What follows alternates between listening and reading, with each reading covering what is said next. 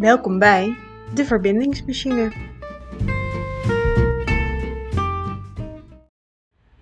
Voor de verbindingsmachine zitten hier uh, Ahmed en Inge. En wij hebben de vraag gekregen of we elkaar willen interviewen voor de verbindingsmachine. We zijn het uh, eerste interview en uh, nou, we hebben net eigenlijk uitgebreid gesproken tijdens een wandeling buiten. Maar nu vanwege de opnameapparatuur konden we het alleen maar binnen um, gaan opnemen. Dus we zitten hier netjes op anderhalve meter afstand. gaan we elkaar allebei drie vragen stellen.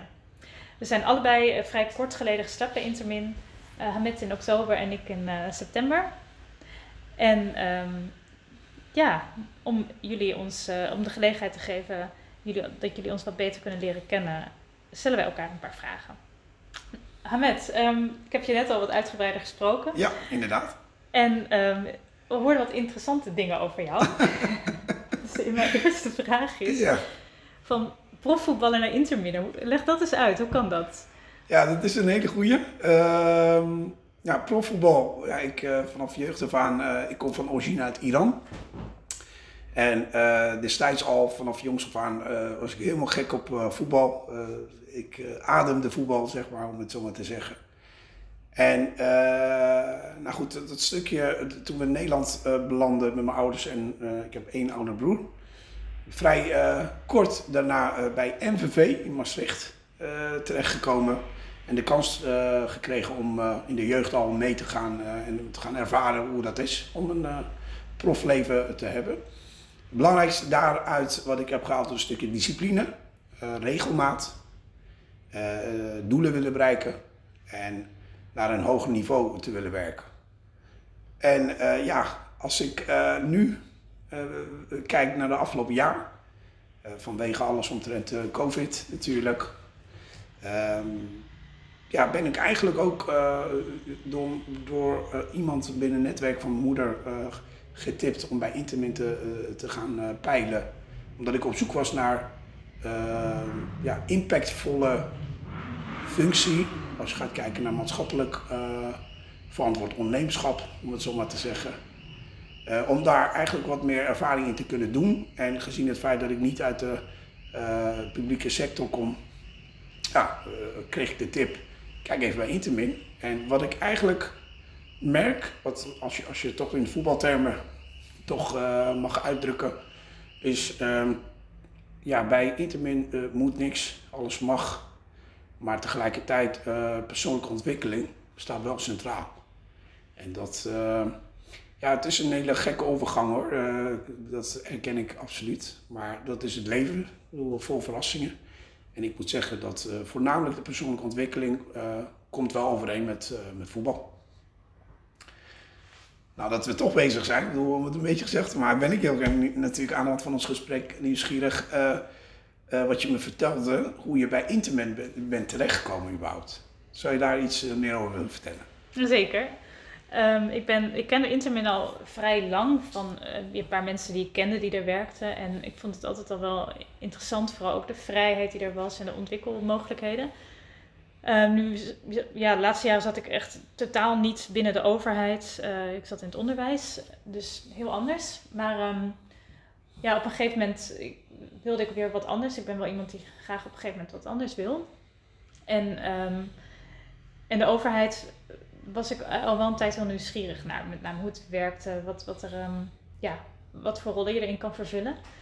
En uh, naar aanleiding daarvan ben ik eigenlijk al een paar jaar geleden al de eerste gesprekken aangegaan. En mm. nu een paar jaar later ben ik dan ook daadwerkelijk begonnen. Ja. En uh, ja, dus ook met name aan het onderzoeken. En dat past natuurlijk ook bij de ontwikkelingsmogelijkheden die je hebt. Uh, wat voor rollen ik daarin kan vervullen. En, en, en wat er überhaupt, wat de overheid te bieden heeft. Juist. Ja. Dus als ik het goed begrijp, hetgeen hoe je bij internet bent terechtgekomen is voornamelijk ook van de journey om eigenlijk binnen de overheidssector te, te gaan loeren en te kijken en te proeven wat het beste bij je past. Ja, wat bij mij past. En um, dus ja, eigenlijk tweeledig. Wat, wat bij mij past, wat voor rol ik erin kan vervullen, hoe ik me daarin kan ontwikkelen. En ook hoe de overheid, uh, hoe dat überhaupt werkt. Ik vind het ook echt wel een nieuwe wereld. Ja, ja.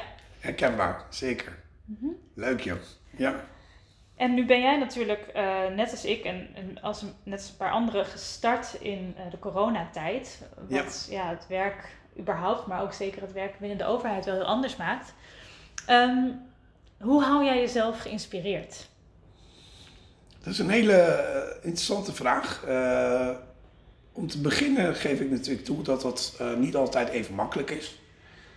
Vooral omdat ik als persoon heel erg uh, extravert ben, uh, heel erg behoefte heb aan uh, sociale contacten.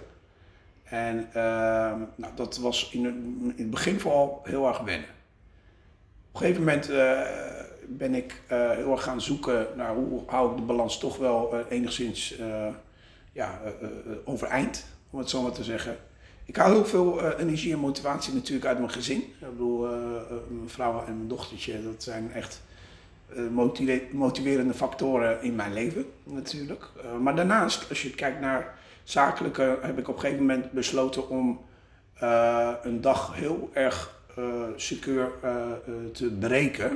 In verschillende zeg maar stappen. En in het begin heb ik een routine voor mezelf gecreëerd om in de ochtend eigenlijk met een kop koffie in de hand een wandeling te doen.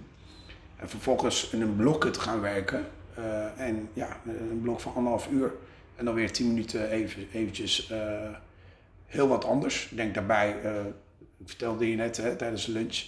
Um, in de middag maak ik graag muziek. Dus dan zet ik mijn koptelefoon op, dan ga ik achter mijn toetsen zitten. En dan heb ik eventjes niks aan mijn hoofd. Omdat als, het, als het gaat om de zakelijke. daarnaast, wat, wat bij mij helpt, is bepaalde meetingen wandelen te doen. Dus daar heb ik ook met collega's afgesproken dat ik gewoon een uh, koptelefoon uh, en dan lopen. En ja, dan haal je toch, dan zit je toch buiten, dan ben je toch buiten en dan zit je niet achter je pc constant. en dat doet mij goed. En daarbij hoop ik echt dat we eind, ergens richting eind dit jaar elkaar fysiek kunnen zien en dat we in een andere situatie zitten. Dus ik hou me vast aan het feit dat het tijdelijk is. Dus dat zijn de belangrijkste factoren die ik, eh, die ik gebruik in ieder geval. Uh, om, om, om toch overeind te blijven. Zeker. Hey uh, Inge, eerste indruk. Je bent september begonnen. Bedoel, wat ik zeg, de onderzoek binnen de overheid en dergelijke, wat je net schetst. Wat is je eerste indruk op de opdracht waar je dus eigenlijk nu zit? Bedoel, daar baseer je dan op, denk ik, het voornaamste. Maar ook deels eerste indruk van Intermin. Daar ben ik ook nieuwsgierig naar. Uh, mijn eerste indrukken van Intamin die kwamen al een beetje voordat ik startte. Uh, ik, nee, ik vind sowieso mensen die ik tot nu toe heb ontmoet, ja, dat zijn er live, fysiek niet zo heel veel geweest. Maar ja, heeft er iedereen een heel um, ander verhaal. Zijn, mijn indruk was het zijn alle, allemaal mensen die, um, ja, die eigenlijk erg openstaan naar, naar elkaar en naar de wereld. Klinkt een beetje um, zweverig misschien, maar dat, ja, dat is wel zoals ik het ervaarde. Misschien uh, zegt dat wat over mij. Maar uh, ja, dus ik, ik laat wel altijd heel erg op als ik uh, collega's van Intermin zie en spreek. En dat is heel positief. Dus dat, ja, ik woon nog wel best wel op afstand in Leeuwarden. Maar dan, als ik dus nu zoals met jou bijvoorbeeld in, in gesprek ga. Nou, dat is een treinreis meer dan waard. Fijn. Ja. Zeker. Ja, mooi. En um, daarnaast uh, de overheid, ja, daar heb ik in die zin nog heel weinig ervaring mee. Ja, dat vind ik uh, super boeiend. Dat hele spel wat daar wordt gespeeld. En uh, vooral als het een beetje politiek interessanter wordt, als er wat meer politieke druk achter komt, dan ja, wat, wat, wat mensen allemaal gaan doen met elkaar, hoe, hè, wat, wat voor dynamieken er dan ontstaan, dat, vind ik wel heel boeiend om, om te zien. En, en soms ook. Um, verbaast me toch ook wel hoe slecht het soms georganiseerd is. Mhm. En uh, hoewel iedereen eigenlijk wel wil dat het goed georganiseerd is, maar het lukt gewoon niet zo. En dat, um, dat is heel kort gezegd. Hè. We, hadden niet, we zouden een kort interview doen, dus uh, dat is even kort gezegd. Zijn dat mijn eerste indrukken? Ja, precies. Maar ook wel veel heel gemotiveerde uh, mensen um, die er iets moois van willen maken. En ja, het lukt gewoon nog niet altijd, maar ik zit nu wel op een plek waar ik met fijne mensen ook werk. Dus Ja, dat is eh, fijn prettig voor een eerste opdracht. Ja. Had Ja. ik nog wel één korte aanvullende vraag eh, aan de wat je net eh, schetst. Is, je komt uit de onderwijswereld. Ik bedoel, je bent docent geweest, klopt, klopt dat? Ja, klopt. Ja. Als je, als je heel kort een vergelijking zou moeten maken, ik snap dat dat heel kort is. Hè? Ik bedoel, je bent september in, de, in de roerige tijd begonnen. Niet al te lang nu bij, op de opdracht. Maar als je toch die vergelijking zou moeten maken met waar je vandaan komt. Wat is het voornaamste wat opvalt, zeg maar, wat anders is? Ehm, nou, binnen de overheid mag je wel prioriteiten stellen. En dat mocht in het onderwijs niet. Oké. Dat is wat ik nu merk. Dus ehm, ja, ik denk dat je in het onderwijs wel eh, veel minder mensen hebt om al het werk wat er ligt te doen. Oké. Dus in die zin, eh, ja, dat is wat, wat me opvalt hier. En ehm ehm, daar moet ik even over nadenken. Ja, er zijn ook wel veel overeenkomsten hoor, maar het, eh, ja, een groot verschil is dat. Oké, dit gaan we er zo meteen uitknippen natuurlijk. Even, even, Nee, hoor. Ook even goed over Ik bedoel, het is, het is een vraag die ik zomaar eh, aansluitend doe. Ja, precies. En je, je had je niet op kunnen voorbereiden. En dat is juist het leuke eraan. Ik bedoel, eh, tenminste, dat vind ik. Ja, Maar goed, eh, je kan ook zo meteen anders even, eh, Ja, even laten meteen, bezinken en dan zo meteen op Even terugkomen. Hoe heeft de lockdown jou beïnvloed? Ik heb door de lockdown een heel ander kijk op het leven gekregen. En heel kort gezegd, om het niet, niet heel erg grijs te laten. eh, ik ben meer gaan waarderen eh, hetgeen wat ik heb. Ik ben meer stil gaan staan bij ehm, de dingen die er echt toe doen. Dus alles wat ik daarvoor minder belangrijk vond, vind ik nu heel erg belangrijk. En andersom, alles waarvan ik dacht, daar draait het leven om, nou, vind ik nu eh, ja, minder, min- minder en minder worden wat dat betreft. Kun je Dus daar een de- voorbeeld van geven? Zeker, de quality time wat ik nu met mijn gezin heb bijvoorbeeld. Ik werkte heel veel hiervoor, eh, omdat ik heel erg bezig was met carrière. Ik vond het belangrijk om eh, financieel onafhankelijk te, te worden en te zijn. En stabiliteit natuurlijk, dat, dat blijft belangrijk natuurlijk. Alleen daardoor had ik minder tijd voor mijn gezin. En ik merk dat afgelopen jaar, door alles wat er gebeurd is, dat hetgeen wat ik heb in de vorm van mijn gezin, gezondheid en dergelijke, dat het enorm, eh, eh, ja, toch eh, e- e- enorm dankbaarheid wat ik daarvoor heb gekregen.